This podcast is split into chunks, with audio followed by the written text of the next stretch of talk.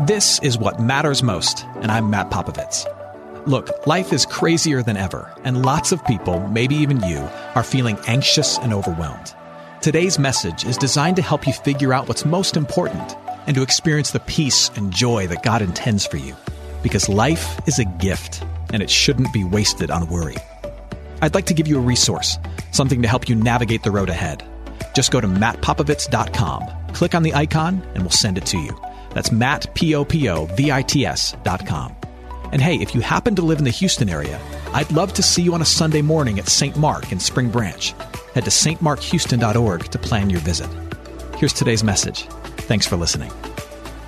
Today we're going to talk about anger and enemies. We're going to talk anger and enemies. Again, I'm the only one who deals with this, right? Now, there are three types of angry people. I don't know if you know this, but there are three types of angry people.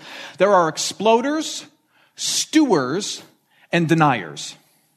Exploders, stewers, and deniers. Which one are you? Uh, exploders are people who get angry quick and they get angry often. Doesn't take much, and they are yelling, they're, they're screaming. They get angry quick, get angry often. Now, the upside to the exploder is that though they have a very short fuse, they also have a very short memory. They're over it really fast. The stewers are kind of the opposite. They don't get easily hurt, but when they do, they hold on to it and they let it simmer and boil inside of them. And they spend hours, days, if not years, plotting the perfect response to the person who hurt them. And then the third person is a denier, plotting. In my mind, I'm picturing that they raise me up, they carry me out on their shoulders, they anoint me king of the subway. I called her a thousand names in my head. And I felt okay doing that. I took pride in the fact that I did only that. Because I was wronged. And I had a right to do that. There is this truth that's embedded into our human hearts. The truth goes something like this. When I have been wronged, I have the right to feel wronged and act selfishly. When I have been wronged, I have the right to feel wronged and act selfishly. It's as if when someone is an enemy, a hater, or an idiot to you, the universe hands you a retaliation token. Here you go. One retaliation token. You can spend it now. You can save it for later, but you have a right to use it.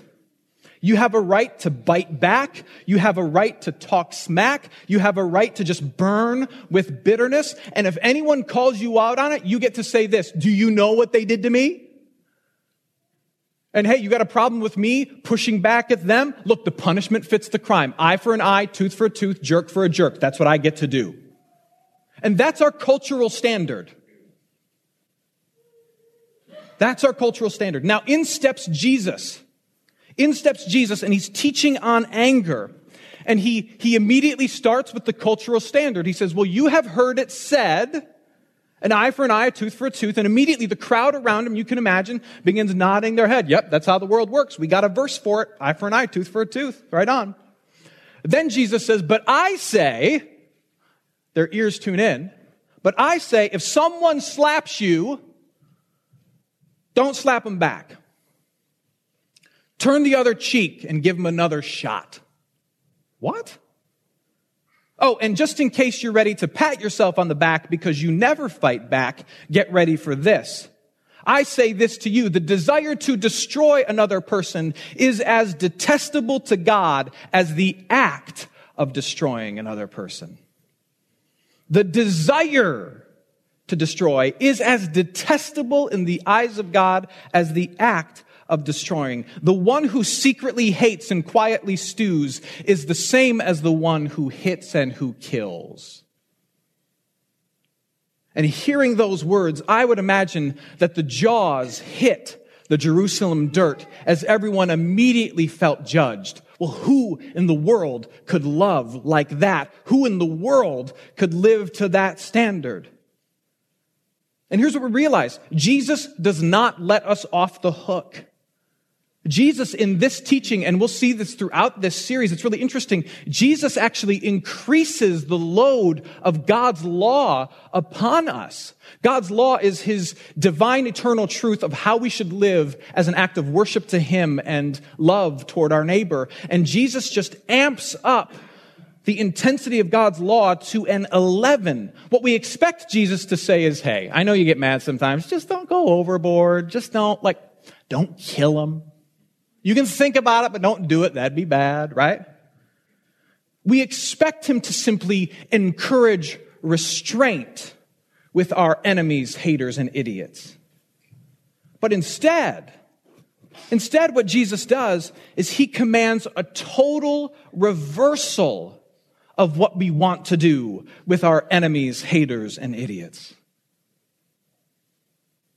I assume that um, there was one person in particular hearing these words from Jesus that struggled with it the most. I imagine that Jesus' disciples struggled with this. Uh, we can safely assume probably that, that this was the first time that even the disciples had heard this teaching. Though Jesus is teaching to a crowd, it was probably the first time they had heard it as well. I imagine especially Peter, the disciple Peter, struggled with this. If you read the Gospels, you look at Peter's background. Peter was a zealot. A zealot was a particular group of Jews who, who hated the Roman oppressors. So you had the Jews in Jerusalem, you had Rome that had come in and taken over. And the Jews were very upset about this. And there was a group of people among the Jews called the Zealots, and they were the soldiers, the fighters. They thought that they could overturn Rome by fighting against it and that they could bring about God's kingdom through revolution and violence. They thought they could bring about the glorious end of the world where God reigns and all the oppressors go away through violence. Often they would enter crowds carrying a small sword. They would find a Roman soldier. They'd walk up behind the Roman soldier because in the back of the Roman uniform, the back was exposed. And they would stab the soldier in the back between the ribs and pierce the heart. Instantly killing the soldier, step away, give praise to God, and run off to the crowd. The zealots were terrorists. That's what they were. And there was nothing that a zealot hated more than someone who had sold out to the Roman oppressor. No one they hated more. There was nothing that a zealot hated more, no one that a zealot hated more than a tax collector. A tax collector was a fellow Jew who had decided to align with the Roman powers and would shake down their own Jewish people in order to pay taxes to the oppressor. And there was no one that a zealot hated more than a sellout tax collector. And yet, who did Jesus pick to join Peter as one of the disciples? He picks Matthew, the tax collector. So here's Peter walking with and living with a man as they follow Jesus who under any normal circumstances, he would feel completely justified murdering in cold blood. And here's their rabbi saying, not only is your violence evil against your enemy, but now your bitter, false kindness towards your brother is worthless in the eyes of God. In fact, you should pray for him you should love him. I imagine Peter is not just cut to the core. He's thinking, I, I can't do that. Now, in case you haven't figured it out and put it together, Jesus is not just saying this to his disciples. He's not just saying it to that first century crowd. He is laying this expectation of how we deal with our enemies, haters, and idiots. He's laying this expectation, this total reversal. He's laying all of it on us. Jesus' words and his standard apply to all of us. So like whatever your conventional wisdom, whatever your cultural standard for angers and enemies, Christ is confronting it and he's deconstructing it and he's, he's crushing it. What he's saying to us today is that we are not entitled to retribution. We are not allowed to escalate a problem because we feel entitled to it. We get no points for keeping hatred buried in our hearts and out of our hands or off our lips. In fact, your malice filled heart, my malice filled heart is murderous in the eyes of God. And just in case you think Jesus is kidding, look at what he says in verse 48. He says this, you therefore must be perfect as your heavenly father is perfect.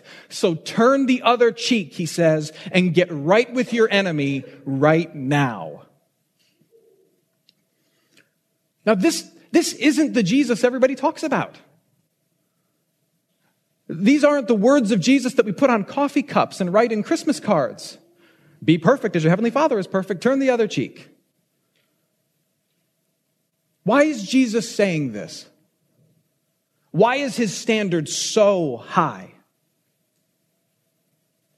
There are two reasons why Jesus' standard for how we should deal with our enemies, our haters, and our idiots is so high. Number one, it will bless the world. And number two, it will break us.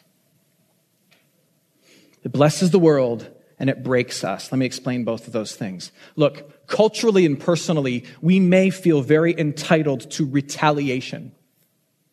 We f- may feel fine holding hatred in our hearts towards others. But here's what we must confess. It doesn't, it doesn't make anything better, does it?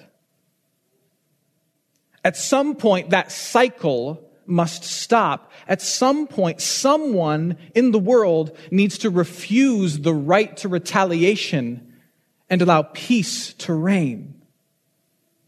Martin Luther King Jr. famously preached on these words from Matthew 5 over and over again throughout his ministry. And as you know, over the course of his work, um, he received countless death threats. Um, his home was bombed. He was jailed more than 20 times. If anyone had the right to, to retaliate and to escalate, you could say that Martin Luther King Jr. did. And yet, when he preached this text, what he would say is these famous words hate multiplies hate. Hate multiplies hate in a descending spiral of violence. Those were his words. And if there's any hope for transforming your enemy, it can only be done by loving that enemy. If there is any hope for transforming your enemy. It can only be done by loving that enemy. This is why Jesus holds us, holds his people to that high standard. Turn the other cheek. Pray for those who persecute you because it will bless the world and bring beauty. It will invite his kingdom to come. I hope you're enjoying today's message. For more of what matters most, you can head to mattpopovits.com.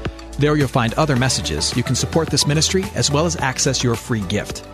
Oh, and if you're looking for a local church and you live in Houston, come and see what's happening at St. Mark Houston. To plan your visit, head to stmarkhouston.org. Thanks for listening, and back to today's message.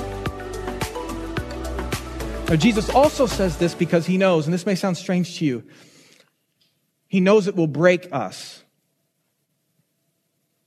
This is Jesus giving the law the law is the demands of God, a holy God and what he demands of his creation. This is Jesus giving the full force of the law. And this is what God's law does. Yes, it tells us how we should live, but primarily it convicts us of our imperfection and it exposes who we really are. There is no better way to find out how bad you are than to try really hard to be good. I mean, I'll challenge you. Go out tomorrow and try to love your enemies, haters, and idiots the way Jesus says to. Try. I mean, we all should try. And some beautiful things will happen. Beautiful things will happen. But also, by trying to live this out, you will become painfully aware of your weakness. You will become aware of how angry you get over really petty things. You will become aware of how impossible it is for you to ignore most problems. Try to live this out. One of the things you'll learn is that one of the primary reasons we get mad at people is because you and I, we have incredibly fragile egos. You and I, we are afraid to be seen as the fragile and messed up creatures that we actually are. We spend a lot of time trying to build up a facade, a, a false front of ability and awesomeness. We spend a lot of time sending a message to the rest of the world of what our version of success and, and having it together looks like. We build a, a house of cards, so to speak, of our own image, um, built on accomplishments and affirmation. And, and that image that we build and we portray is designed to distract ourselves and to impress others. So I collect accomplishments I, I, collect affirmations and I'm building up an image of who I, who I think I am and who I want to be. And it's designed to distract me from the truth of, of the fact that I'm just a messed up, imperfect, unlovely person in a lot of ways. It's designed to distract me from that and to impress others. And one of the reasons that enemies enrage me is because they tear down that image. One of the reasons haters bother me is because they refuse to believe that image. One of the reasons idiots annoy me is because they refuse to respect that image. And I do not want to be seen for who I really am, so I hate them. And when they get the best of me, I find a way to build myself back up as quick as possible. I go home and I kick the dog or I do a good deed or I vent with friends and I find a way to rebuild my image really fast because I don't like to be exposed for who I really am. And that's what they've done. You know what I did after the train incident? The rest of that day, I opened every door in the city. I said good morning to every person. I gave up every seat. I set a record for kindness in the city of New York for the rest of that day. And you know why I did it? I did not do it out of love for other people. I did it because I quickly had to convince myself that I was not the man that that woman accused me of being and that I had to quickly rebuild my image in front of other people. I had to stack the cards that I've so quickly built. But then in comes Jesus, and he says to me, he says, love perfectly. Love your enemy perfectly, and I can't. I won't. I try and I fail and, and I get exposed. Only this time I'm exposed as a weak person, not because of somebody else's dumb decisions, but by the demands of my own God. So why would he do that? Why would Jesus, who's supposed to love me, give me this law of love that exposes me and breaks me because that's what my enemies do. Why is Jesus giving me this demand that I can't live out that forces me to see myself as weak and incapable? Why would he do this? Why would the one who's supposed to save you give you a law that breaks you? Here's why. Because he's going to tell you that he loves you. He loves you. And, and he wants you weak and exposed because he wants you to know that that's who you really are and that's who he really loves. Did you know that? I mean, did you know that Jesus, Jesus doesn't love the put together you? Jesus doesn't love the respectable you. He doesn't love the successful you because he knows that that's not actually you. He loves you as you really are not as you pretend to be to yourself and everybody else. He loves you who is fragile. He loves you who is weak. He loves you who is easily offended and riddled with anger. He loves, he forgives, he embraces who you are when you're exposed in your anger. Jesus wants you to know that the love you find impossible to give your enemy, he freely and excessively gives to you who apart from his mercy and grace would be his enemy. He gives us this law and it exposes us so that he can tell us he loves the real us. Months after teaching these words, Jesus would stand before his lying accusers and he would stay silent. He would endure a beating from enemies. He would endure the betrayal of friends, and he would turn the other cheek. He would be killed on a cross as if he was guilty. He'd be put to death as if he was the bad guy, and he would do it all for his enemies.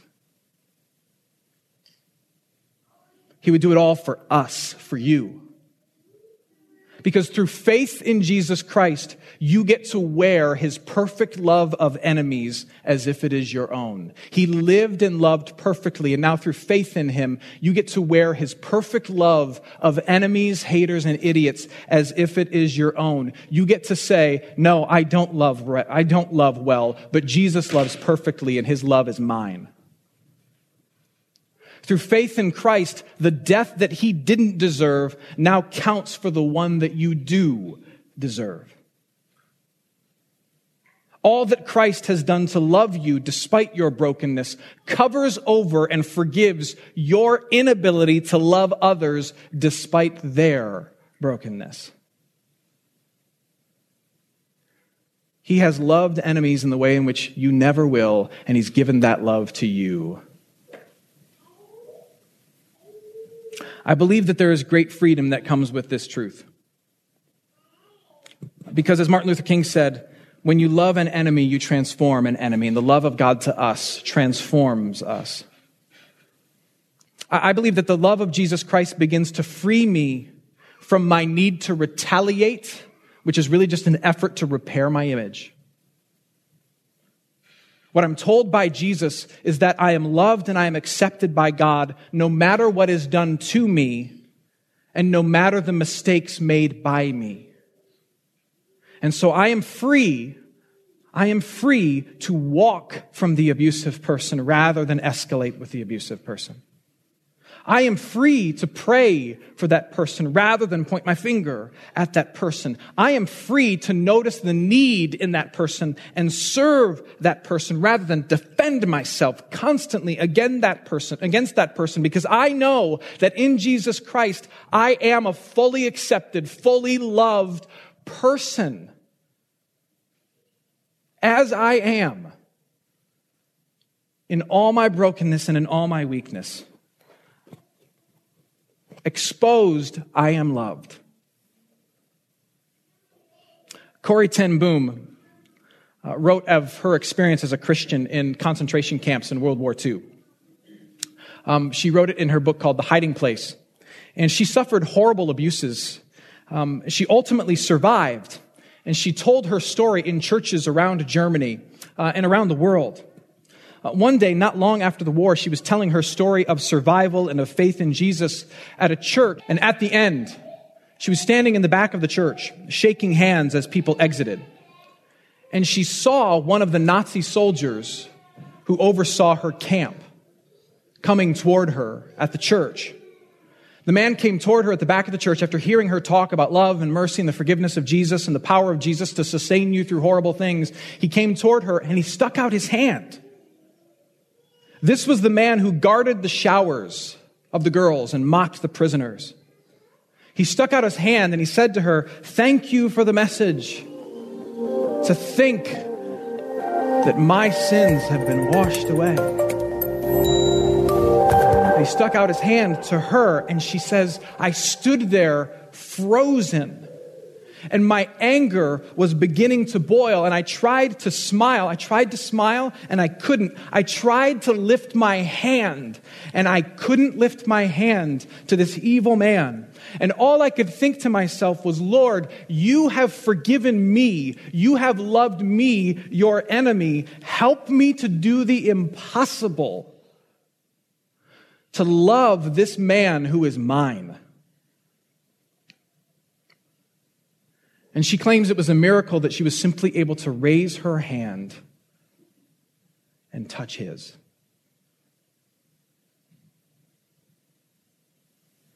And she was only able to do it because that is what Jesus Christ had done to her.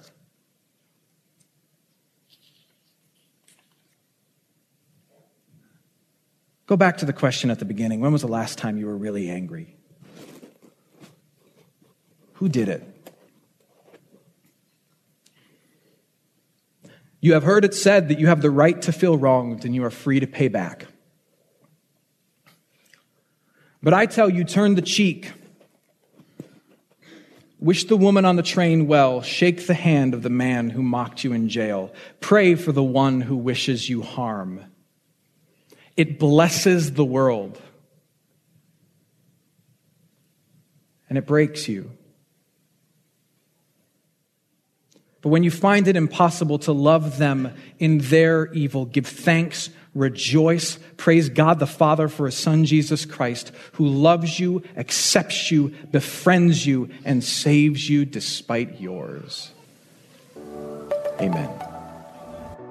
Hey, it's Matt. I hope you enjoyed what matters most. Here's what I need you to know life is a gift, and it shouldn't be wasted on worry. I want to help you figure out what's most important and to experience the peace and joy that God intends for you. So for more content, you can head to mattpopovits.com. That's Matt, P-O-P-O-V-I-T-S.com. There you can also support this ministry, as well as access your free resource, a little something to help you navigate the road ahead. I'd also love to see you on a Sunday morning. If you're in the Houston area, head to stmarkhouston.org to plan your visit. In the meantime, hit me up on Instagram at mpopovits or at facebook.com slash mattpopovitsministries. Thanks for listening. Now go and hold tight to what matters most.